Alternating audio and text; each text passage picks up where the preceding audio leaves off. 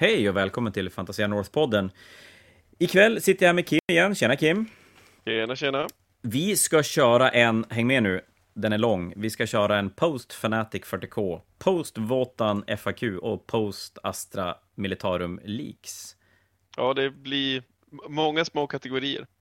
Så är det.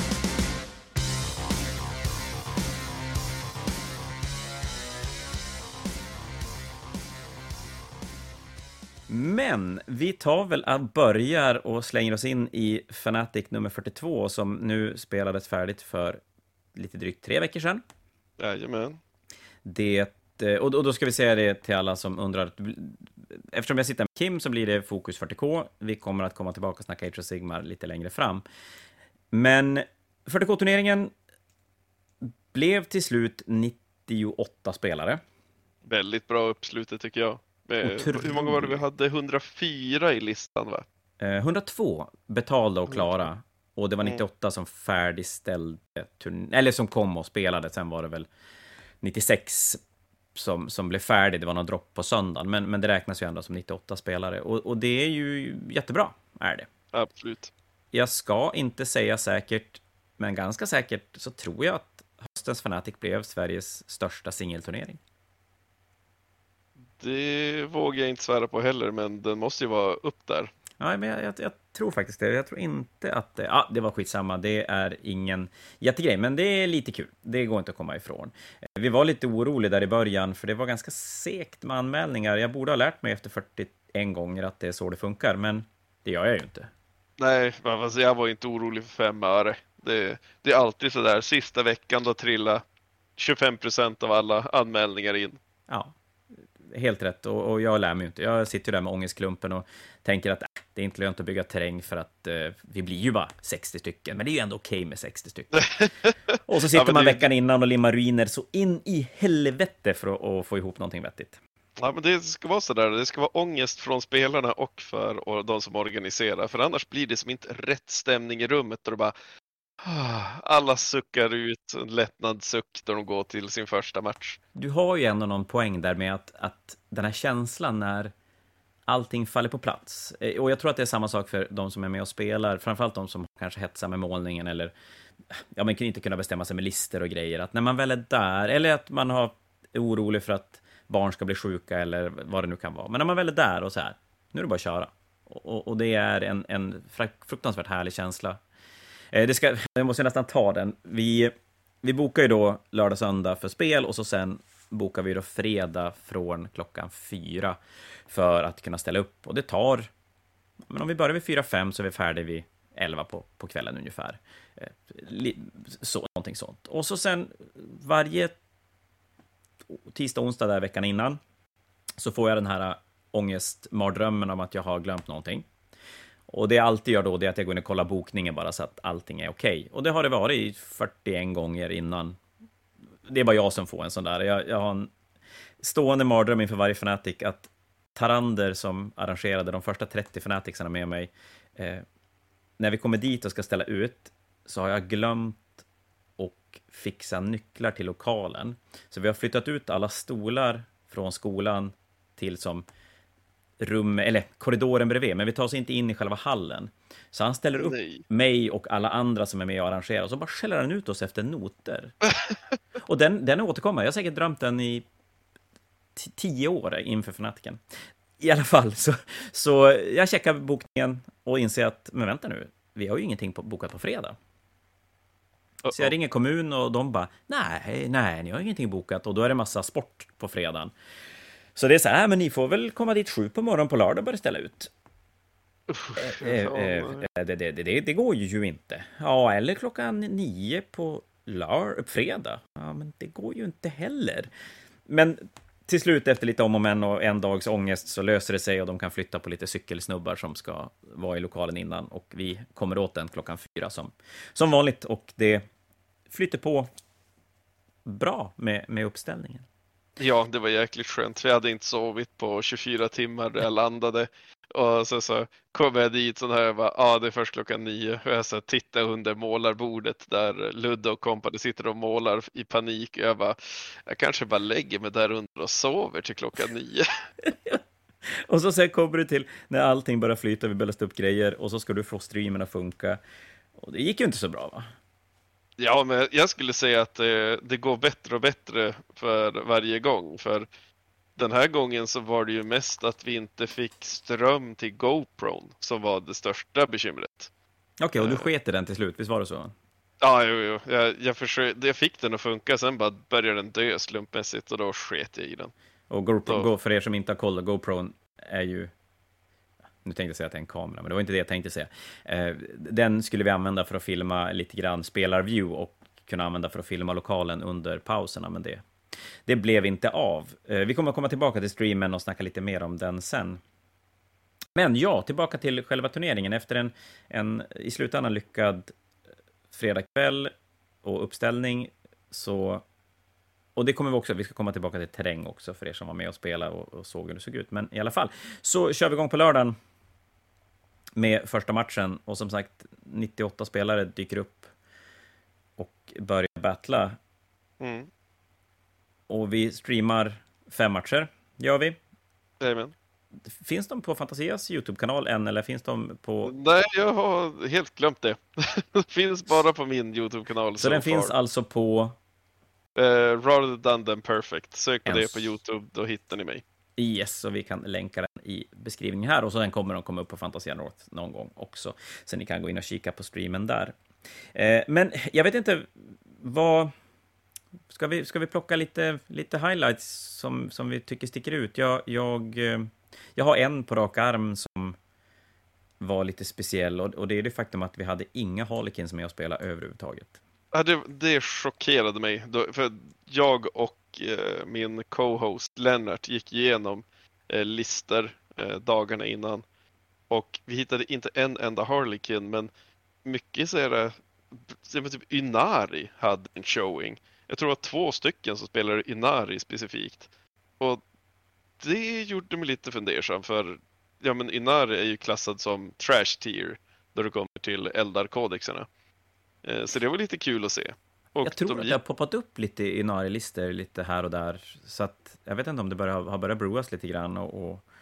För ja, det kan ju vara så att folk har broat själv också, men oftast finns det ju någon sorts någon start någonstans där ute på det stora internet.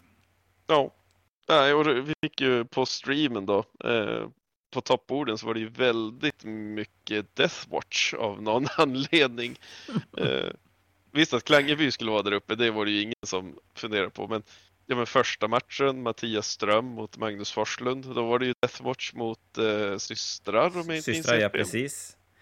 Eh, Nej, men han spelar väl Black Templar i alla fall? Var det Tommy Ström? Mattias Ström. Mattias Ström? Ja, det är inte Tommy Ström.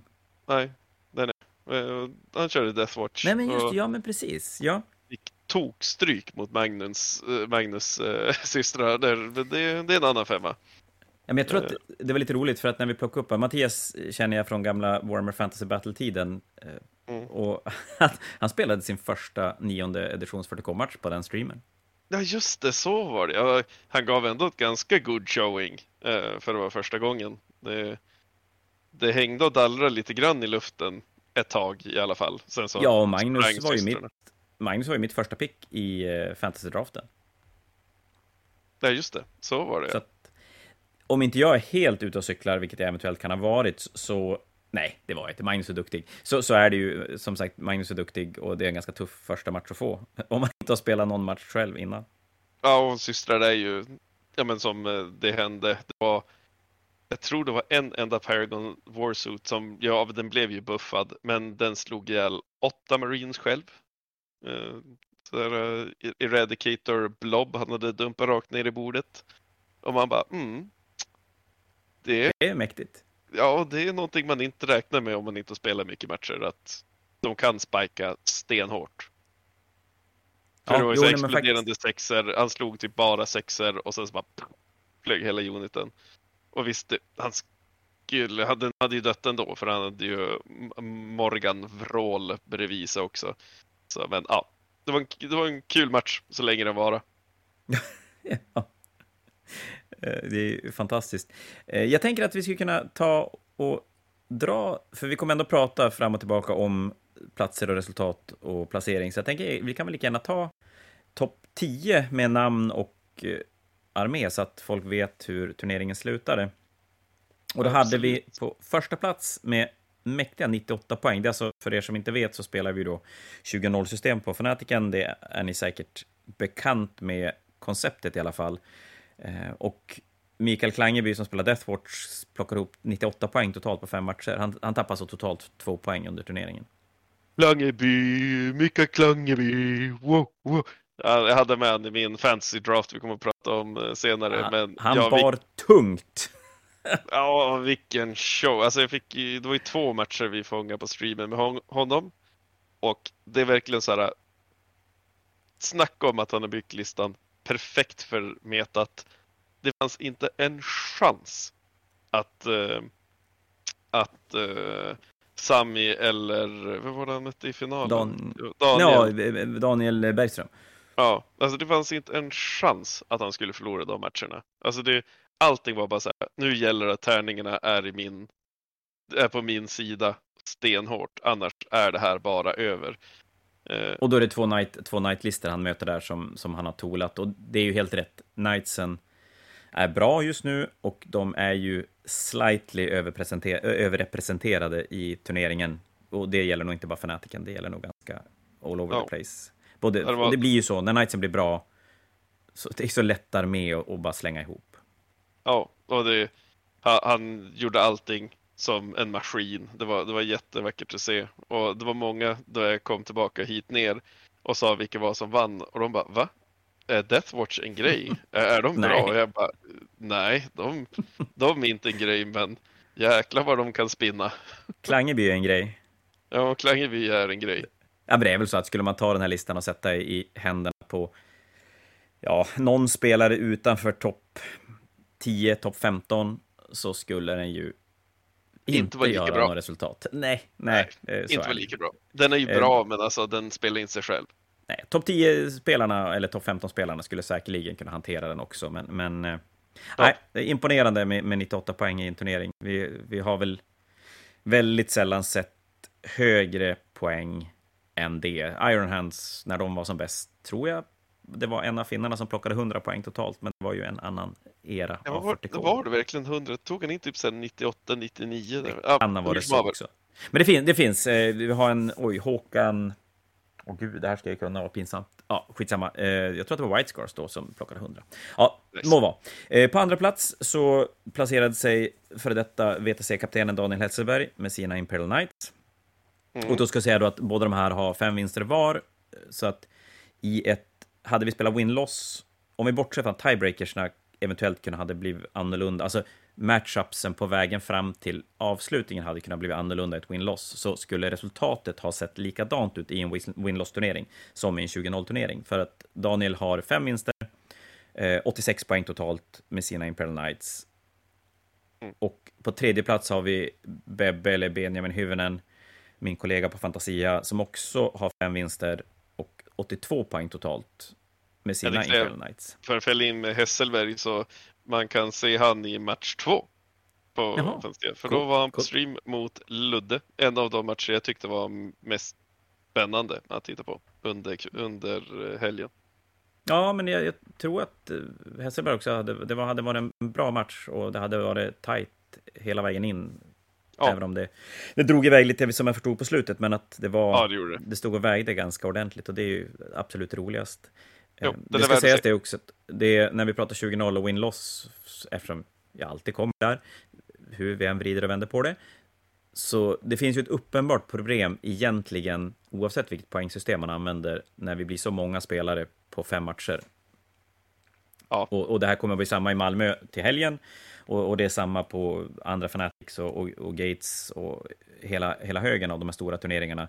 Det är ju att vi får en topp som inte har mött varandra. Så varken Mikael, Daniel eller Bebbe har mött varandra. Nej. Och det, det är ett problem och det finns egentligen bara två lösningar. Att antingen kappa turneringar i storlek eller lägga på fler matcher. Eller leva med problemet i och för sig. Jag tror att vi får leva med problemet. Jo. Det är så enkelt. Eh, vidare kommer det lite spännande lister och även det, äh, jag ska inte säga, lite spännande listor. Vi har Björn Eriksson som spelar Evil Sun-orker på fjärde plats med 77 poäng. Go Björn! Ja, det är magiskt. Eh, jag vet inte hur han gör, men han, han får skiten att fungera. Alltså det är... Han gör det bra. Ja, det är, älskar det, Björn. Det är, eh, och det är ju få, få spelare där uppe som är så bekymmerslös som Björn. Ja, det är hur, ja, det är hur skön som helst. Alltså det, det, att spela med mot honom är en ren fröjd. Och även och, stå bredvid och titta på. För jag kom förbi, han undrar om det var match fyra, han mötte Axel Linners Ravengard i kvadrant deployment. Har mm. inte fått börja. Jag kommer dit när Axel har gjort sin första... Ja, men han, han är nog inne i, i precis ska börja charge-fasen och han står verkligen i Björns deployment zone, har omringat hela orkarmén ner i hörnet. Och jag bara, du Björn, det ser lite jobbigt ut där. Han bara, ja, alltså, skulle jag vara bara börja, men äh, det går säkert att krångla sig ur det här. Ja, och så kommer jag tillbaka i runda fem, Axel har inga gubbar kvar, Björn vinner 18-2. Man bara, ja, det... nej, nice. Det... Ja, han, han är trainee. Det är befriande att prata med 40K-spelare som placerar sig bra, gör bra resultat och inte bara fokusera kring att man måste spela den metalistan som gäller för nu, och, eller hur obalanserat det är eller någonting sånt, utan att man, man, man, man brinner för en armé och så gör man bara så bra man kan av det. Vi har ju samma sak Ja, vi har ju fler spelare som eh, Rickard Nilssons Admec är ju ett strålande exempel på en spelare som bara så här, ja fan, jag ska få Admec att funka och så kör man. Ja, Nej, men jag tror det är alltså Björn är så jäkla inåt så att han, han, han får så mycket ut ur varenda modell, även om de är suboptimala. Nästa lista för han nu som jag förstod det, jag vet inte om det är det som kommer att spelas nu till helgen i Malmö, men han skulle börja bygga en Snakebite-lista, för han bara, det är det sämsta orker. Nu kör vi. Ja, det blir asbra. Ja. Vidare, plats fem, så har vi Emil Bergmark, en annan lokal Umeå-spelare i, i likhet med Bebbe, som spelar Chaos Knights. Ja, det var den enda Chaos Knights-spelaren också. Ja, och det är väl ändå så att Chaos Knightsen anses inte vara tillräckligt bra. Alltså Imperial Knightsen är bara bättre. Bra. De är, alltså Imperial Knights är ju bara bättre, så att det är väldigt bra kämpat. Ja, det, och det är fyra, även på Björn och Emil så är det fyra vinster och en förlust. Och skiljer en poäng däremellan. Så att, mm. Nära. Eh, sjätteplatsen, Kristoffer eh, Vori spelar Tyrannider på 71 poäng. Och här har vi väl lite mer, ska vi säga, väntad armé i alla fall, som en topp 10-lista.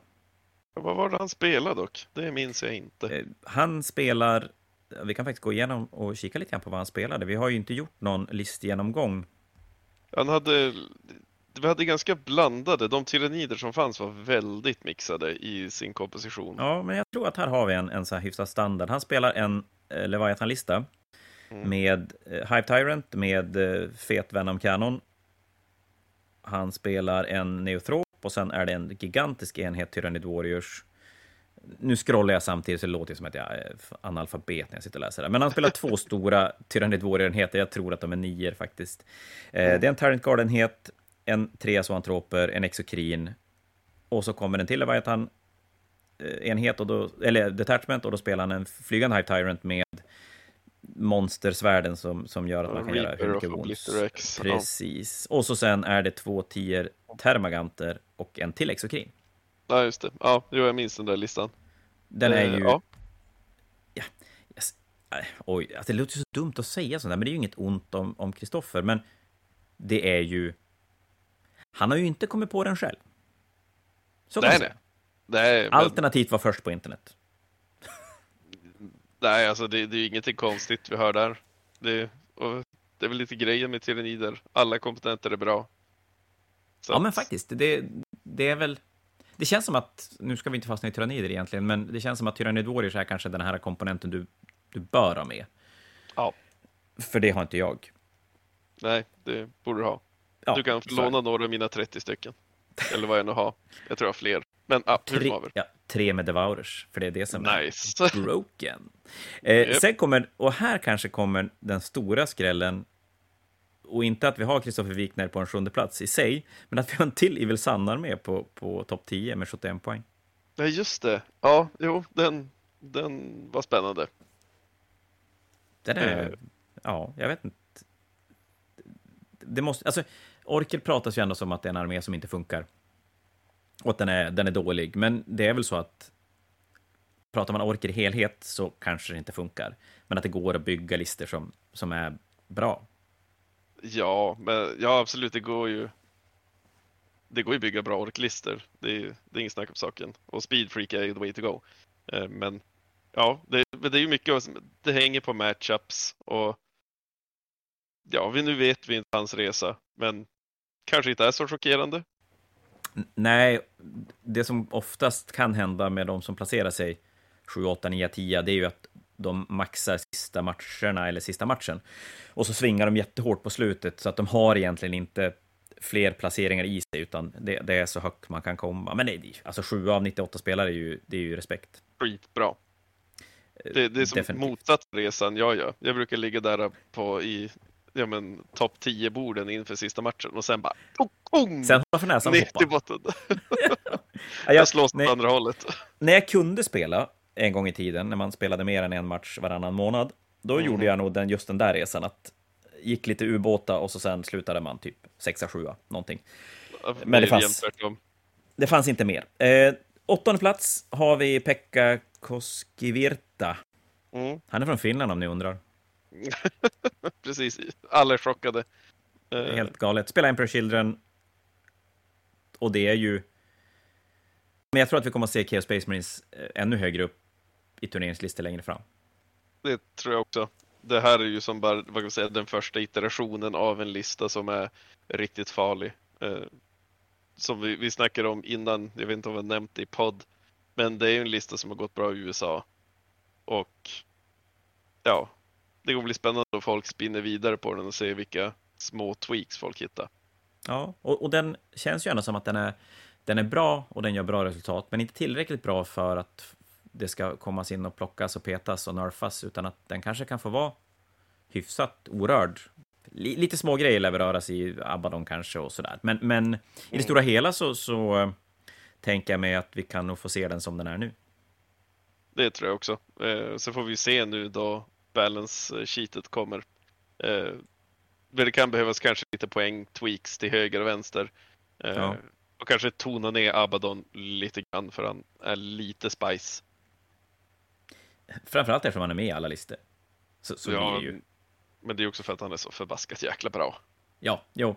Eh, Jag tänker mig att det är inte alldeles omöjligt att vi har en balance sheet på torsdag. Så det kan vara så att vi snart sitter här igen, Kim, och snackar balans och poäng hit och dit. Troligen. Nästa på listan har vi André Persson och då är det Black Legion med 69 poäng. Visst var det Ja. den med jättestora Terminator-blobbar? Han spelar en Terminator, om jag nu, jag har faktiskt sett, jag tror att han spelar samma lista idag på jobbet, Eh, en Terminator Blob och två treor Obbar, Ja, Abaddon. visst. Eh, Ja, precis. Och Ja. Vi diskuterade Obbarna idag och det var väl så att kom fram till att antingen spelar man två eller tre enheter Obbar eller så spelar man inte Obbar alls.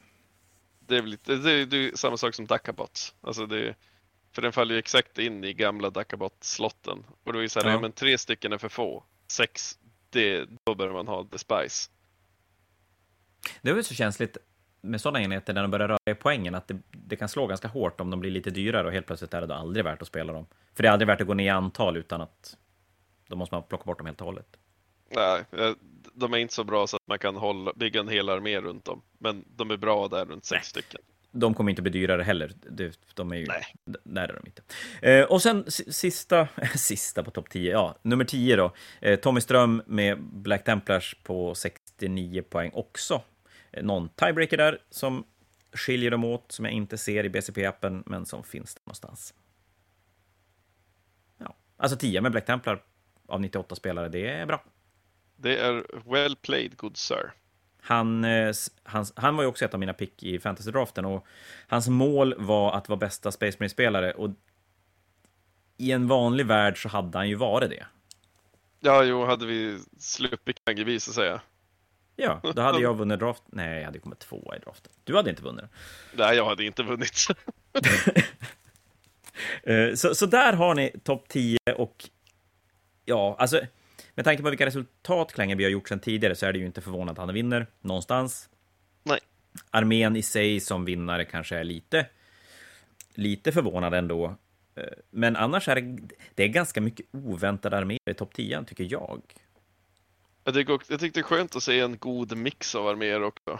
Eh, det är inte ja. bara meta, det är inte nio tyrannider. Det är, det är inte bara Imperial Knights, utan det är väldigt blandad kompott. Och det, det säger ju en del om spelet. Ja, men så är det. 40K mår, 40K mår bra nu. Det går ja. inte att komma ifrån. Det, det, är, det har nog väldigt sällan varit mer balanserat. Det har aldrig varit mer balanserat än vad det är nu under den eran man faktiskt höll koll. Sen kan det mycket väl ha varit det någon period någon gång under tiden, men det, det ska jag inte säga någonting om. Nej, men det var två arméer som underpresterar just nu och det är väldigt bra. Ja, och en av dem har ju bok bara runt hörnet. Ja. Vilken är den andra? Admec. Admec har sämst winrate ja, just nu. Admec, De är typ nere på 45, tror jag. Undrar hur mycket det är en kombination av att den har blivit sämre och att det är väldigt få som spelar Admec. Jag tror det är mycket med att det är väldigt få som spelar Admec, till, till att börja med.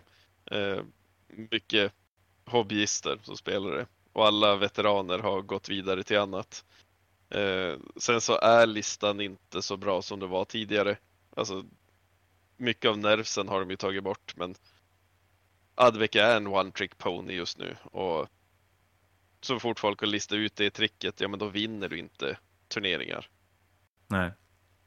Ja, vi hade väl hade vi en Admec-soppa med, tror jag, var det enda som, som var med. Det var en, jag tror att det var en Admec-lista med Knights.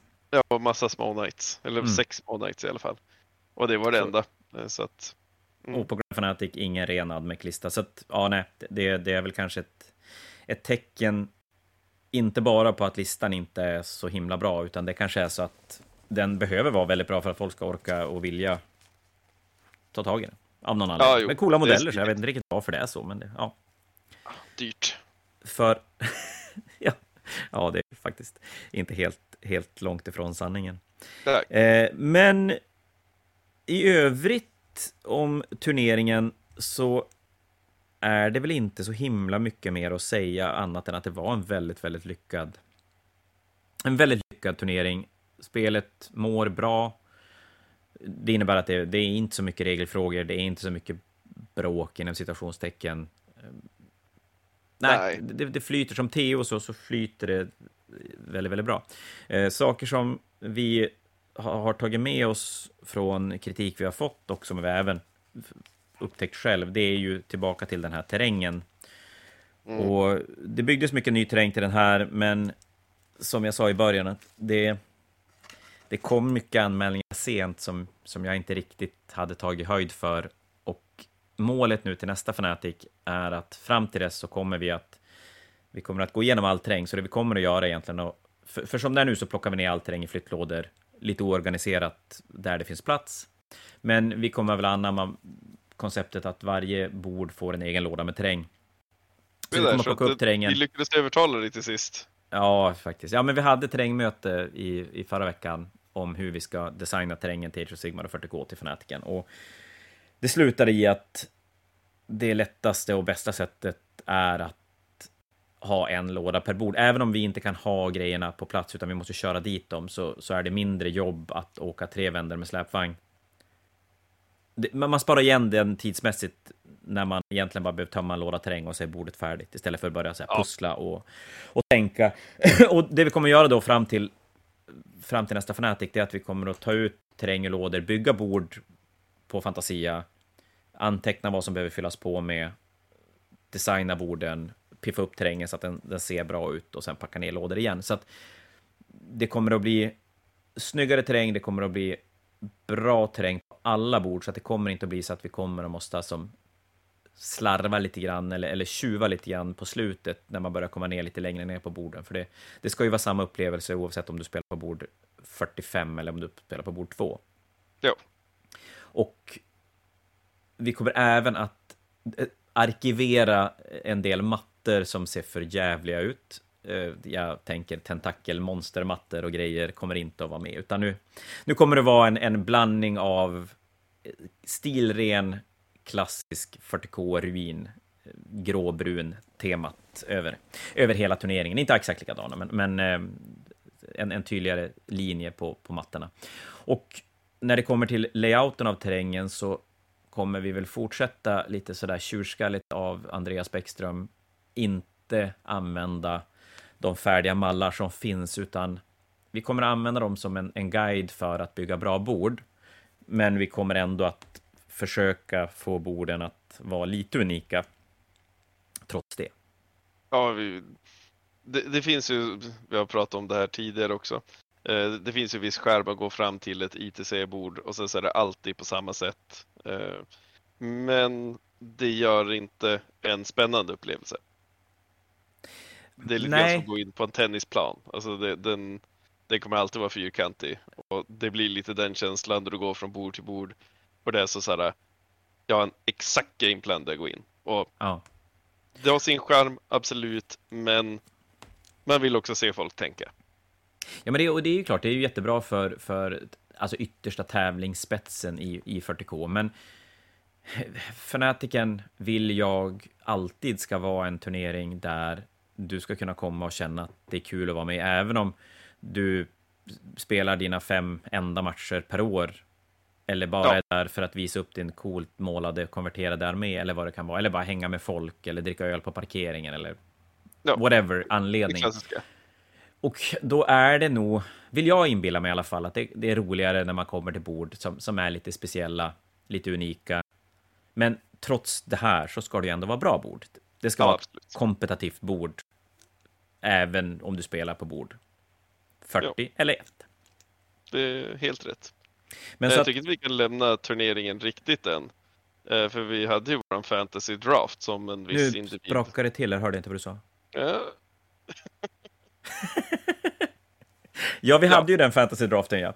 Precis. Eh, vi, och för er som inte vet så var det Jonathan Slay Johnsons nuvarande VTC-kaptenen i 40K för Sverige idé att köra en klassisk fantasy draft i, inför 40K-turneringen på Fanatiken. Och för er som inte vet vad en fantasy draft är så bör ni bli lite mer sportintresserade. Men det är en ganska vanlig grej att göra i USA, framförallt inför typ baseball amerikansk fotboll, där man, man draftar spelare eller draftar lag och så får man poäng beroende på hur de lagen eller spelarna placerar sig eller, eller ja, hur, hur duktiga de är under säsongen.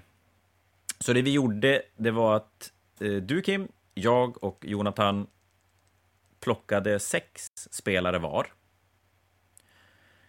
Och vi räknade enkelt ihop deras battle points under turneringens gång och den som lyckades samla ihop mest battle points av oss tre gick vinnande ur den här fantasy-draften.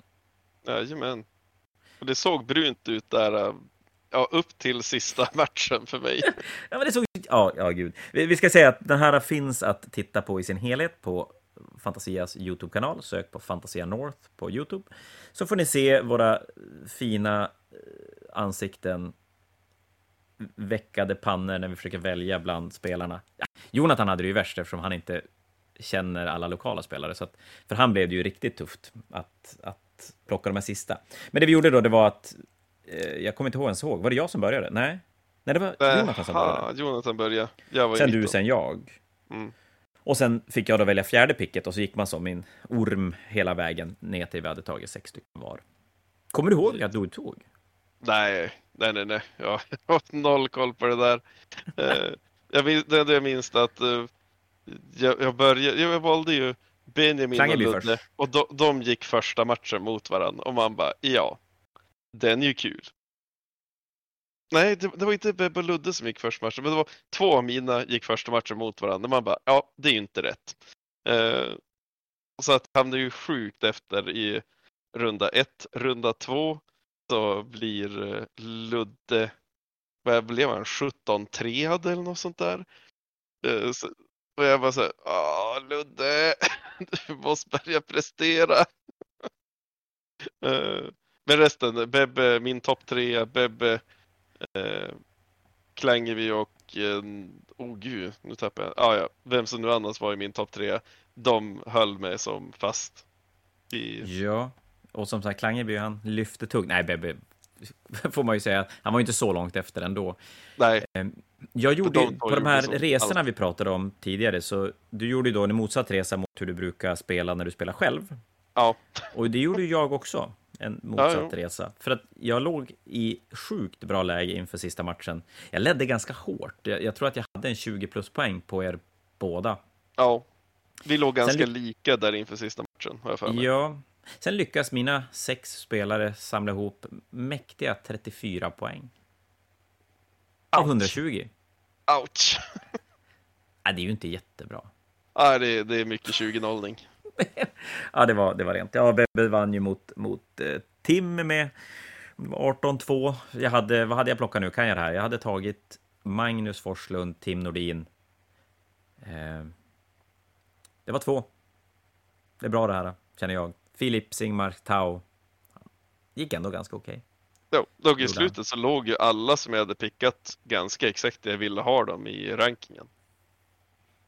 Ja, jag att, missade eh, ju toppen. Det var väl det. Alltså, jag hade, de hade slagläge på, som Tim till exempel mötte Bebbe inför sista matchen. Bebbe kom trea. Ja, Mm. hade resultatet svängt åt andra hållet, då hade ju Tim varit trea istället. Jo. Ja, jag var ju dålig på det där. Ja, Och då ska vi säga det att på torsdag, nu spelar vi in det här på en tisdag, det, ni kommer inte att lyssna på det ikväll på en tisdag, Nej. för jag kommer inte gjort färdigt. I alla fall, på torsdag, så senare den här veckan, så kommer det att finnas ett nytt avsnitt ute på vår kanal där vi gör samma sak med Malmö Wargaming Weekend. bli Och då Kim, då är det väl du och jag som får lite jobbigt när vi ska plocka fyran, femman där. Ja, nu, där blir det jobbigt. Dock så har vi sagt de får inte välja sig själv, så att vi har en liten edge där. Ja, för både Jonathan, han vann förra Malmö Wargaming Weekend tror jag, och Pedro vann i Västerås senast. Så att de två blir ju skönt att ta som sista pick, tänker jag. Ja, jo, jo jag kommer att spara dem tills sent. Jag, jag kommer Tills, spara tills du också. väljer den. Ja, Då eller hur? jävlar Eller det du väljer. Hugga. Japp, då är det bara att ta den andra direkt. Så, det, så, så var det. Men det var roligt och jag hoppas att det uppskattades av er andra och inte bara var en grej som vi tyckte var kul. Jag, jag... Ja, men det, det, det blev... Ja, det blev kul. Det blev som en tävling i tävlingen. Jag skulle rekommendera folk, om de följer dig via, eh, via streamen, som ja, vi, vi kommer att försöka förbättra den. Eh, så dra, gör en egen draft med lite polare och tävla. Det, för det är skitkul. För då, vill, då Ja. blir man så engagerad. Det, det, nej men faktiskt, och, och jag vet att Umeåfolket när de åker iväg och spelar turneringar och, och även lokala föreningens spelare på Fanatiken brukar betta på placering och det är också en ganska kul grej där de får så här, Mm. jag tror att jag kommer att komma sju- 17 och så lägger man en 20 var och så sen eh, så, så närmast vinner. Så där. Det är en ganska kul grej för att krydda lite grann. Jag blir man- ganska man- duktig på det där. Alltså, jag tror jag har vunnit alla gånger jag varit med. Det är ju jättejobbigt när man gör en sån och så har man någon som generellt sett vinner och kan bara säga jag kommer etta. Ja, jo, nej, Det- det, är det är fusk. Det är väldigt lätt att träffa rätt om man är där någonstans och oftast placeras högst upp. Ja, men det, det är så skönt med Bebbe, han brukar få lite hybris ibland och sen så sätter sig själv som typ såhär etta, tvåa, trea, där du bara såhär, ja ja. Ja, bara har hoppas gjort han- sådana. Ja, nu, nu så visar han att han kan och det, det gör mig lite nervös. Ja, det, var, det, det är inte ofta vi har Umeåbor och, och hugger högt uppe och det är ganska kul att se. Både för att man blir lite lokal patriot, men, men även att det finns kvalitet i 40K över hela Sverige. Jo, det gör det ju. Ja, skillnaden är väl att vi här uppe har lite svårare att få mycket matcher mot mer kvalificerat motstånd, eftersom det är lite längre om man ska åka och spela fler turneringar. Och det är jättesvårt att vara så utomlands. Det, det är lite drygt, Ja. faktiskt. Eh, Men- men... så om detta. På tal om utomlands, nästa Fnatic är, som blir då alltså nummer 43, är spikad den 25-26 mars nästa år. Så att, eh, ja, det är inte riktigt utomlands, men kommer man från Ystad eller sådär så är det ju nästan som att åka utomlands. Annan klimatzon. Ja, för mig, vi satt ju och kollade det där, om jag hade åkt åt andra hållet, då är jag nästan nere i Zürich. Men vem fan vill vara i Zürich? Ja, det är ju åt fel håll, det är långt När man kan åka till. Umeå. Ja, precis. Solig Orimligt. Så book the date i kalendern, börja fila på armé för att dyka upp och spela. Om ni än så är ute efter att vinna turneringen eller vinna Best in Show eller vinna Fair Play eller bara dricka öl på parkeringen så vill vi ha er där. på tal om Best in Show, det kanske vi ska nämna ändå. Tycker jag. Ja. Det var, för er som inte har varit med och spelat så gör vi alltid så att vi plockar ut x antal arméer. Xet beror lite grann på hur många deltagare vi har, så det var 8 40k-arméer den här gången. Och alla spelare i båda spelen, vi, plockar ut Age of Sigma självklart också, och där var det sex arméer uttagna. Och alla deltagare i turneringen, även sådana som kommer att titta på, får lägga sin röst på lunchen på söndagen. Mm. Och mest röster vinner Best in Show-priset på Fanatiken som en gång i tiden hette Best Painted, men slutade vara Best Painted när Oskar Brenne Brännström vann med eh, ljud och ljus och eh, rök och orker och konverteringar och grejer som var så jävla coolt. Och då bytte vi namn till Best in Show istället. För Och folk röstar inte på. Best Painted ändå. De, de, de röstar på det som är coolast. Ja, det, så är det. Eh, Det var väldigt bra kvalitet. Det var som vanligt sjuk kvalitet i Age of Sigmar, helt crazy vilka arméer vi fick se. Men det var väldigt bra kvalitet i 40K också. Där ska vi väl ärligt säga att kvaliteten brukar kunna variera lite grann. Eh, Den här gången var det bra. Jag hade Mycket tänkt säga att med. hade du sagt det där för fem sex år sedan, absolut, jag håller med dig. Men nu för tiden, alltså det som hamnar upp på alltså Best in Show-borden, oavsett vart vi var i Sverige, det är så coolt. Alltså Ja, allt, nej, det allting är så coolt nu för tiden, även på 40K-sidan. Ja, det, ja men du har nog rätt i det. Att man, plockar man ut topp 10, 8 procenten av en armé så är det fantastiska arméer på något Ja. sätt. Sen är det mycket snyggt där under också, men, men då är det kanske mer bra tabletop-nivå på arméer. Det här vi tittar på nu är ju någonting lite annat. Och det, det är väl ett sätt ja, men för att få in hela hobbyn. In, inte bara spelandet, för det, det är så mycket annat som är viktigt i 40K, tycker jag. Men du, det om Fanatiken tycker jag, den får gå till handlingarna som en väldigt lyckad turnering och vi Eh, ha, jag har lovat mig själv att nu ska peppen hållas till i mars och nu ska det fan i mig förberedas för 100 spelare och oavsett om det är 40 anmälda veckan innan så förbereder vi för 100 spelare och då kommer terräng, bord och arrangörskapet i övrigt att vara byggt för en, kunna vara en bra 100 personers turnering, vilket ja, blir vi 60 så kommer det vara en fantastiskt bra turnering ändå. Det är bra, då får du skit gjort. V- Faktiskt, och jag har lite folk som kommer att sparka på mig om jag inte gör grejer också, så att det, och det kan behövas. Ja, eh, det lite är- andra turneringsgrejer. Nu är det ju väldigt sent att... Ja, sent, det är det är ju för sent att anmäla sig. Men till helgen så är det Malmö Wargaming Weekend i, surprisingly enough, Malmö.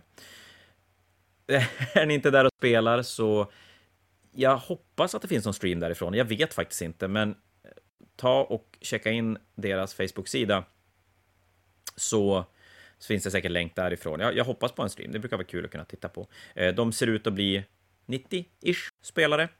Eh, så det blir en, en vass turnering det också. Eh, sen har vi Fantasia Store Championship den 22... Tjoho! Nu ska vi se. 22 eller 23, 21 eller 22. Det här ska vi kolla. Den 21-22 januari nästa år så kommer vi hålla Fantasia Store Championship. Det är öppet för alla som vill komma och spela i Umeå. Ja, ja, precis. Alla som vill kom, komma till Umeå och spela är det öppet för. Det kommer att bli en två dagars 40K-turnering på ett av hotellen i Umeå. Så det kommer att finnas bar, det kommer att bli middag på kvällen för de som vill det. Det kommer att bli en supertrevlig turnering och vinnaren kommer kunna titulera sig Fantasia Store Champion för 2023. ja, ingen aning hur vi löser stream för det, men det blir säkert bra. Ja, det blir svinbra. Det blir svinbra. Och som sagt, nästa Fnatic är 25-26 mars. Ja, Jajamän. Och då är jag där. då är vi där och streamar för fullt. Ja, men exakt. Då, då blir det stream för fullt. Det tror jag var det om Fanatiken och de kommande turneringarna som, som vi har koll på. Eh, Men vi hade lite andra saker som vi flaggade för i introt. Och vi hoppar väl på de här dvärgarna. Åh gud, okej, jag trodde det var något annat vi skulle ta upp, men ja, nu kan nej, vi- rage få komma. Vi börjar med dvärgarna. Eh, Vi spelade in ett avsnitt med eller en, en review över Våtan-boken. Och den finns att lyssna på på vår podd om ni går in på Soundcloud. Så, eller där poddar finns kan ni leta på, jag tror till och med förra avsnittet. Ja, skitsamma. Ja, jag tror det förra. Och vadå, tre dagar efter vi släpper det avsnittet, då kommer en FAQ. Errata. Ja. Vad var, jag sa en sak. Jag hoppas att de tänker över det de gör så att de inte rycker med knäna och gör en nerv som förstör hela boken för att boken är så fragil i vad som gör den bruten. Och de gör exakt det. De förstör hela boken. Ja. Det, det, ja, jag, jag, jag, var inte nöjd när jag läste det. För jag tycker inte ens att de är det mest brutna som vi har ställt på borden. Nej, det, det, den är ju luren här, för vi, vi kom ju fram till det i vårt poddavsnitt att vi är väl inte helt på tåget att de är superbruten, men det är väldigt, väldigt många duktiga spelare som säger att de är så bruten som det bara går att få. Det är det mest brutna vi har sett i 40K. Och, och klart, är det så, ja, då behöver de ju pillas på. Men, Men jag är som du säger, ja, jag vet inte. Det känns som en klassisk dubbelnerf. Ja, och, och jag vill se den som kan komma och säga det nu. För ja, men hälften av alla regler, alltså alla vapen, alla regler som gör vapnen är brutna. Så fort någonting får en judgment token på sig så kan inget av det procka. Nej. Och det är det... så, så här, ingen kan nu komma och säga att Wotan måste nerfas. Nej, de måste buffas, tror jag. Ja, men jag är lite inne på det också. Jag, jag, ja, och det, det är en ganska tung poänghöjning på dem också. Nu är det en ja. 10-15 procent rakt över brädet. Jag tror jag, det ja det är runt 10 till 15. Det är ja. 10 på det mesta i alla fall. Ja, och det är ju, det är rätt saftigt, är det. Ja. Eh, GV gör ju en, oavsett vad man tycker om själva nerfen, så gör de ju en fantastisk grej av det. Jag, jag, tycker att de sköter det på ett jävligt snyggt sätt. De är, de är rolig på ett sätt vi har vant oss vid. Men till skillnad från vad vi är van vid, där de känns som att de, de gömmer allting i att antingen skoja bort det eller visa en cool modell så vi ska tappa fokus, vilket vi gör, eh, så förklarar de. Och de, de förklarar att det här blev lite fel, men inte bara att så här, vi är dåliga på att skriva regler, för det, det är de ju inte, utan det de gör egentligen är att de förklarar att den här listan är speltestad mot onerfad, Tau, Tyrannid och Eldar. Mm. Ja, då makes more sense. Ja, och, och det är ju tre arméer som har fått ganska tunga, uh, tunga nerf hammers på sig.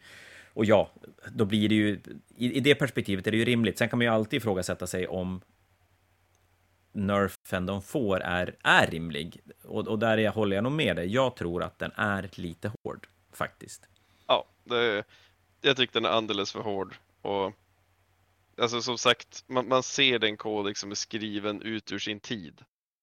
Alltså, hade, hade vi släppt lös ohämmad Admec, Eldar och ja, Tyrannider och Tau, ja men då är de ju där och, och brottas. Men som de har gjort nu, ja, om, om vi ska säga någonting gott om det, det är i alla fall att det är en snabb reaktion. Alltså, folk har inte ens hunnit spela dem på riktigt. Och GV är redan in och fixar det. Mm. Eller börjar. Jag, jag tror ju att om man ser, jag menar, alltså när man ser den här förändringen de gör och, och de, när de pratar om det så tänker jag nog att den här förändringen var redan, den var redan redo innan boken släpptes. Jo, absolut. Tror jag. Alltså, stort företag som GV kan inte, kan inte ta beslut så fort. Nej, jag, jag tänker det också. Jag, jag, förstår konceptet att inte släppa en sån här nerf innan boken släpps, för då är det verkligen så att, ja men, kolla, den här produkten är fel, köp den. Det, det är ju lite, och då kan man tänka att det är väldigt cyniskt av dem att, att då, så här, köp den och sen berätta att den är trasig, eller att den är, ah, att de ska ändra den. Men jag tror att det var vettigt av dem att vänta på releasen och sen snabbt efter det gå in och, och, och justera. Eh, men som sagt, det, det jag egentligen stör mig kanske mest på i den här förändringen de gör, det är att du har en, en, en unik arméregel som, som är ny. Vi har aldrig sett en, en liknande regel tidigare. Den är, ja men säga vad man vill om den, den är rätt cool sådär. Den, den gör sin grej, den är ganska tydlig i, i temat och, och, så. Men nackdelen nu är att det finns vissa tillfällen då du inte vill ha den regeln. Ja. Och, och det ja, men, det är ju tråkigt. En, en, bra, en bra regel, antingen ska det finnas en, en negativ aspekt av regeln, så att man är så här, ja men lite grann som att kasta en spell, att Jag kan kasta en spel, det kan bli bra, jag kan rulla dubbeletta, det blir inget bra. Och det är en del av regeln. Men nu är det så att, ja men, och för er som inte har lyssnat på eller läst facken så är det ju så att de här judgment tokens gör ju att har du tre judgment tokens på en enhet och skjuter på den, så varje 4 plus då hit blir ett auto och räknas som en sexa tidigare. Och sen har du deras magma rifles som gör, slår du en sexa till wound så kommer woundsen att spela över till andra modeller och så har du Land Fortress som skjuter vadå, D, 2D3 plus 3 damage eller någonting sånt, är det väl? Och det gör ju att skjuter du mot Terminators till exempel, ja men då är det jättebra att slå en sexa till wound och så bara spiller du massa och så dödar du jättemycket gubbar. Och då kan man tänka sig att ja, det, det kanske var för bra att en 4 plus to hit skulle bli en sexa to wound som sen gör att du, du dödar jättemycket gubbar. Men nu är det så att ett auto-wound av judgment tokens kommer aldrig kunna räknas som en sexa to wound. Så du kommer aldrig att kunna få den här magma rifle-regeln om du har judgment token på motståndaren, vilket du kommer att ha på nästan alla enheter efter jo. typ en runda. Ja, och, och, då alltså, kanske jag skulle tycka att det var en may-trigger på judgment tokens, att you may use. Och så här, ja men jag vill ja. inte skjuta, jag, jag, vill skjuta på den enheten och jag tänker mig att skjuta på en enhet som har, ja men jag tänker två wounds styck, tio modeller i enheten. Ja men då vill du definitivt hellre, och så Land Fortress kan du få ner på 2 plus to hit, styrka 14, så du kommer bonda på 2 plus. Ja. Och då kanske jag hellre hade rullat 2 plus 2 plus och jaga sexa än att rulla två plus och det blev en fyra och så ja, men då dog en gubbe jätte, jätte, jättemycket istället. Ja, alltså hela grejen är att det, nerfen de har gjort, det, det är säkert bra i det stora, stora hela, bara för att folk ska kunna ta de modeller som är releasade och börja spela på borden. Och det finns designutrymme att rätta till det här. Eh, så att det, jag, jag är inte jätteorolig för deras framtid. Och det tyckte man om squatsen, ja men då köper man dem. Du, du köpte den inte för att de är brutna, du köpte dem ju för att du vill ha dem. Jo, men, jo, men det tror jag. Man gillar nog stilen på... Jag tror så här, egentligen så tror jag att det här är en ny armé som, som... Eh, ja, men som du säger, gillar man utseendet, då kör man. Och det tror jag att folk kommer att göra. Det, känslan jag får när man lyssnar på spelare är att alltså, folk tycker det är coolt. Det är, sen, sen finns det alltid de som tycker att de är för sci-fi, för generisk sci-fi, för mycket Starcraft, för mycket Mass Effect eller vad det kan vara för någonting. Ja. Men, men eh, Då kan man spela jag tror att det kommer att locka spelare. ja, men eller hur? Ja. Det finns gott om arméer att välja på, men jag tror att den kommer att locka sina spelare. Den, den är nog ganska lättmålad. Jo, det, den är konverteringsvänlig. Jag har redan idéer för dagen då sambon tillåter mig att skaffa en till armé och mina admec är borta från mitt uh, hobbybord. Uh, ja. Vad som, ska, vad som kommer att stå där. Den, den, behöver inte vara en hordarmé. Ett par Land Fortress och uh, du har halva armén. Typ. Ja, och du kan ju köra de här tunga killarna som är skitbra. Uh, så att nej, det, det finns god variation trots få units. Så att jag, jag ser en ljus framtid för Votan. Ja, men det tror jag. Och poängen, det vet vi ju själv, att det kommer förändras plus och minusas hit och dit över tid. Och, och, det är ju en, det är väl det mest positiva med 40K för tillfället, att GV ändå är inne och, och justerar och ändrar. Även om Absolut. det på internet har börjat bubbla att folk tycker de ändrar för mycket, men jag säger bara var tyst och var glad. Ja, ni, ni har inte varit med i the dark ages. Ja, det, det är ju så här två, antingen har man inte varit med, eller så är man en, en som vill få klicks på internet. Ja, lite så. Det, det, däremot måste jag säga att senast, nu ska vi se, senaste sån här uh, reveal de hade, när de berättade om nya kampanjsättningen för, kommande kampanjsättning för 40K, där ja, de säger att vi har lyssnat på communityn och vi kommer inte att stoppa in några matchplay-regler i, i de böckerna. Ja, och visst. Då Ja, men jag tänker att då, då tar de ju en av de största den största kritiken som 40K oftast får av spelare är ju att man måste ha så mycket böcker. Nu cancelar de den, för att nu kommer det vara så där. Vill du spela Mono Faction, då har du en bok plus en regelbok som är jätteliten. And you go. Och det är ju bra. Sen kommer det ju komma till en punkt när folk kommer att säga varför lägger de aldrig till nya saker i min armé för? Ja. Jag vill ha nya grejer. Och så går det ett halvår och så, varför har jag så mycket böcker för? Det är för så mycket ja, böcker. Jo, så är det eh, Så nej, nöjd, det blir ju folk inte. Eh, vi får väl vara den reso, eh, resonabla rösten i eten kanske, jag vet inte. Ja, relativt ibland i alla fall. Ja, ja vi kommer ju till nästa nu. För det var, det var Våtan. Och vi gör väl helt enkelt så att det inte jag, jag tänker att det inte är lönt att säga så mycket mer, utan nu måste det ju speltestas för att se vart det, vart det landar ja, någonstans. Absolut. Eh, och det var ett tag sedan vi hade en sån eh, På spaning-podd som vi brukar göra. Vi kommer att komma tillbaka till sådana längre fram. Men det innebär ju inte att vi kan snacka, att inte vi kan snacka om lite grejer som har dykt upp. Och då tänker jag ju framför allt på Astra Militarum-grejerna som har inte läckt, utan som GV har visat. Ja, det, det har ju läckts lite grann också. Eh, vad heter ja, han? det har det. Eh, det har ju kommit bitar ur kodexen som folk har läst upp eh, på Youtube som ni kan hitta där ute om ni söker. Eh, men... Ja, om ni känner ett behov av att veta för lite för att skapa sig en bild och sen fylla på med eget och bli arg över att det är dåligt. Do ja. ja, absolut. Det, det, det, är inte lönt, det är inte värt er tid, vänta på kodexen. Men ja, om man inte kan ta det på ett roligt sätt och bara så här peppa nya regler. Nej, men som sagt, modellerna. Modellerna. Vi, vi kan ju börja på platser som inte gör mig arg och det är ju alla nya Cadians och den här blurriga bilden man har fått av den nya Malkador-tanken som ser ascoolt ut. De nya Cadiansarna hundra gånger bättre än de gamla. De är så sjukt snygga. Jag, jag är eh, dubbelsidig i det här. Å ena sidan, ja, svin mycket bättre än de gamla. Eh, att jag gillar ändå att de tar ett... De, de tar det gamla och bara gör det nytt. Det, de behöver inte uppfinna hjulet igen, de behöver inte göra Primaris Space Marines, de behöver inte förändra supermycket, utan de, de gör egentligen en, en Cadia som är designad i samma era som de gjorde systrar och alltså de, är, de är bättre på att göra figurer, det, så är det ju bara. Ja, alltså det, Den... mycket så fina detaljer de fått dit, just att de har ja, men selar på sig där det sitter lite granater, de har ryggsäckar och det är så här daypacks på ryggen med någon så här filt och grejer. Ja, as, asläckra. Ja, verkligen. Och, och, det kommer nya heavy weapons och skit. Svincoolt. Den andra sidan av mig, ah, det hade ju varit lite kul med någonting sådär, po, och, och här kommer, ja, jag vet inte, knas, knas som, som GV ibland gör. Men nej, jag landar nog i att jag, jag tycker det är rätt att, att ta Cadians och bara göra dem bättre. För att sen då eventuellt kunna släppa mer grejer och andra... Eh, vad kallas det? Andra Tallarn och Valhallans och whatever. Regementen. Tack, regementen. Eh, men då släppte de en bild igår. Nej, jo, mm. igår släppte de en bild. Alltså ja. måndag vecka 42 släppte de en bild på Attilan Rough Riders.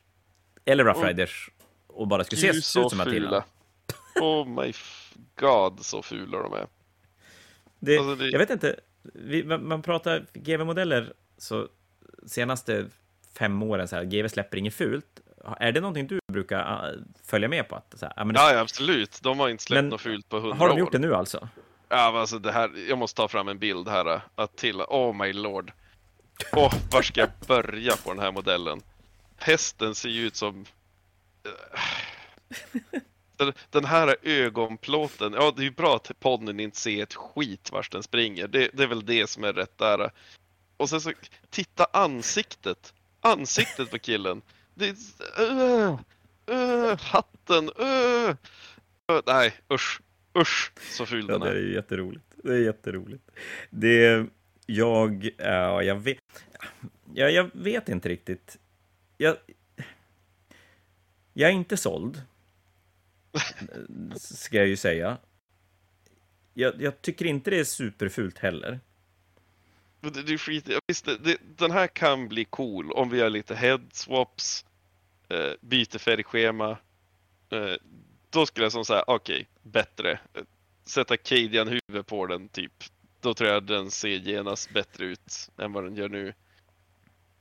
Jag håller med om färgschemat. Jag tycker väl inte att det här grön turkosa de, de har valt blå turkosa, nej, grön, blå turkosa med rött eh, var supersnyggt kanske. Men jag, jag tror att de här Attillans faller egentligen precis som den gamla Attilan som fanns för, ja, den kom kanske länge sedan.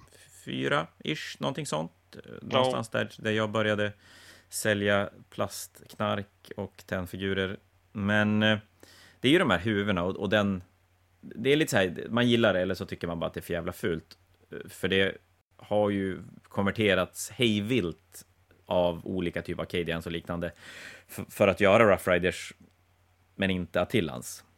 Ja, eh, ja absolut. Eh. Det, det, här är väl, jag, vet inte, det är väl lite grann GV just nu att det, det, det flörtas enbart på nostalgi, känns det som.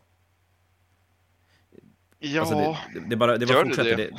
Ja, men, alltså du har Scottsen. Äh, sen, i och för sig, de ska ju ha cred att de gör varianter av, eller, eller de gör det med en twist ibland. De här Attillans är ju inte det. De är ju verkligen fan mig exakt som förr, fast ja. självklart snyggare. Men, men stilen är ju verkligen exakt likadant. Du har, det, det kommer squats, det jag menar, kolla skeletten som kommer i nya Underworld-expansionen. De ser fan exakt ut som klassiska odöda skelett från back in the days. Ja, det är väl um, sant. Jag hörde rykten idag, nu vet jag inte om det är sant, men jag hörde rykten idag om att det Battlefield Gothic ska komma tillbaka på Forge World. Um, de har börjat släppa jättemycket Old World teasers nu. Ja, jo. Vad, vad har vi mer som har dykt upp på sista tiden som, som är...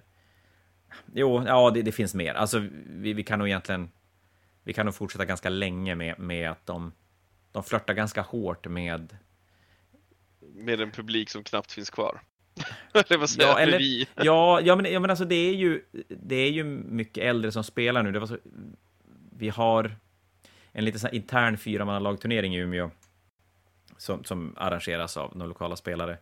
Mm. Och vi insåg att det, det känns som igår att ett av det laget var, körde en sån liten ramsa som slutade med 30 plus för att alla var över 30 och det var ingen annan. Och vi inser nu att det laget är inte alla över 50 år, men deras snittålder är över 50. Och helskott, ja då, det är OGs. Så klientellet är ju äldre, men någonstans känner jag ändå att väldigt mycket av de här modellerna de återskapar nu är ju så gamla att det är ganska få som, även om man har åldern inne, så är det ju ganska få som har varit som spelade på den tiden. Det är det. Och Skots till... på riktigt? Ja. Uh, aldrig. Aldrig sett det på ett Nej. bord. Förutom en, där jag bodde i Japan var det en kille som hade gjort en hel Imperial Guard-armé i squats och konverterat alla tank commanders med green stuff. Typ den snyggaste armé jag någonsin sett. Hade vunnit alla best in shows i Sverige. Fan. Uh, det, och, ja, det var och det är klart, jag hade en polare som hade lite squats 1993, tror jag vi är. Men, men det var ingen hel armé. Och, och nu kommer vi säkert sitta folk där ute, men jag har minsann haft polare som har haft 10 miljoner tusen poäng squats. Och det är klart, det finns de som har spelat med och mot squats, men eh, jag tror för väldigt, väldigt många, om man rannsakar sig själv, så är det nog mer en, en nostalgi som kommer genom böcker och tidningar som man har tittat i egentligen. Absolut, men för att göra ett försvar till att införa att till en Rough Riders är ju just att gardet behöver dem. För tidigare hade de ett enda närstridsregemente och det var Bullgrins. För vi säger inte Ogrins för de är skitdåliga. Men just till en Rough Raiders, det behöver de. De behöver nog mer närstridsregementen. Och de här fyller ju the spot quite nicely. Ja, och de, de ger ju hastighet till en armé som, som inte har det sedan tidigare och till ett spel som bygger behöver på hastighet. Ja, ja absolut. Så, så, att, nej, men det är bra. Och jag, jag, jag, tycker inte de är jättehemska. Jag tycker posen på, night, äh, på hästen de släppte är en så här hemsk. Den landar med hoven, framhoven och, och sprätter med bakbenet. Eh, Jättekonstigt. Ja, det ser inget bra ut och det, det finns, jag tror att det är. Ja, men det, det finns fler. Det är en ganska vanlig hästpose från GVs sida. Oh. Jag tror att vi kommer att se svincoola konverteringar. Vi, det kommer att se bra ut på brädet. Jag håller med att man kanske byter huvud, men det är ju en enkel konvertering att göra. Det, det, det, det kommer att se skitcoolt ut och det, allting är färdigt. Och det lär nog stjälas en hel del bits från det kittet till andra saker. Jag undrar om inte vi kommer att se när Cities of Sigmar, Age of Sigmar släpps, att vi kommer att se lite crossovers från de här oh. in i typ Outriders, Pistoliers och liknande. Det kan jag tänka mig. Tro, kanske. Oh. Eh, men det var det. Eh, I övrigt så kommer ju världens coolaste Thudgun. Eh, det kommer nya Heavy Weapon Teams. kanonen. Laserkanonen! Men visst stämmer det? Jag har hört många som pratar om att titta på basstorlek och så. Det ser ut som att de har mindre basstorlek på sina Heavy Weapon Teams. Ja, de har en, 50. de, de stora artilleripjäserna sitter på en 100 millimeters. Och det pratas om att de vanliga Heavy Weapon Teamsen ska landa på typ 50. Ja, jag vet det, inte om det stämmer. Jag vet inte heller, men det ser så ut. Mm. Eh, dock så skulle jag inte gå bara som mina Heavy Weapons team som folk Nej. sitter Känn lite och- lugnet. Känn, känn Ja, lugnet. Det, Ja. Det kommer ju se bättre ut. ja, alltså, och grejen, det spelar ingen 60 eller 50 på ett Heavy Weapon Team är ju piss och skitsamma. Det är ju bara sämre för, för gardespelaren. Om det skulle vara att de landar på 50 så är ju 60... Det är ju ingen fördel. Så att har man Nej. dem på 60 så, så få turneringar och få spelare i världen som skulle börja opponeras jättemycket, tror jag. Tvivlar. Men Ja, du. Kim, Mm. har vi något mer? Är det något mer kul du har sett på internet som du känner att vi måste dela med oss av? Ja, nej, egentligen inte. Eh, ingenting som inte en Google-sökning kan hitta för våra lyssnare ändå. Nej, så är det. Och vi kommer att komma tillbaka med mer på Spaningpoddar. Vi har, eh, ja, som sagt, en poäng nerf, eller vad, vad kallas det? Balance sheet-podd. Ska Mm. väl dyka upp direkt de släpper, släpper balance sheeten till 40K längre fram. Så att vi gör väl helt enkelt så att vi säger tack till alla som har hängt med oss i en timma och sex minuter. Tack Kim för ikväll. Som vanligt supertrevligt. Och så sen hörs vi alla längre fram. Ha det bra där ute. Hej Ha då. det, ha det. Hej!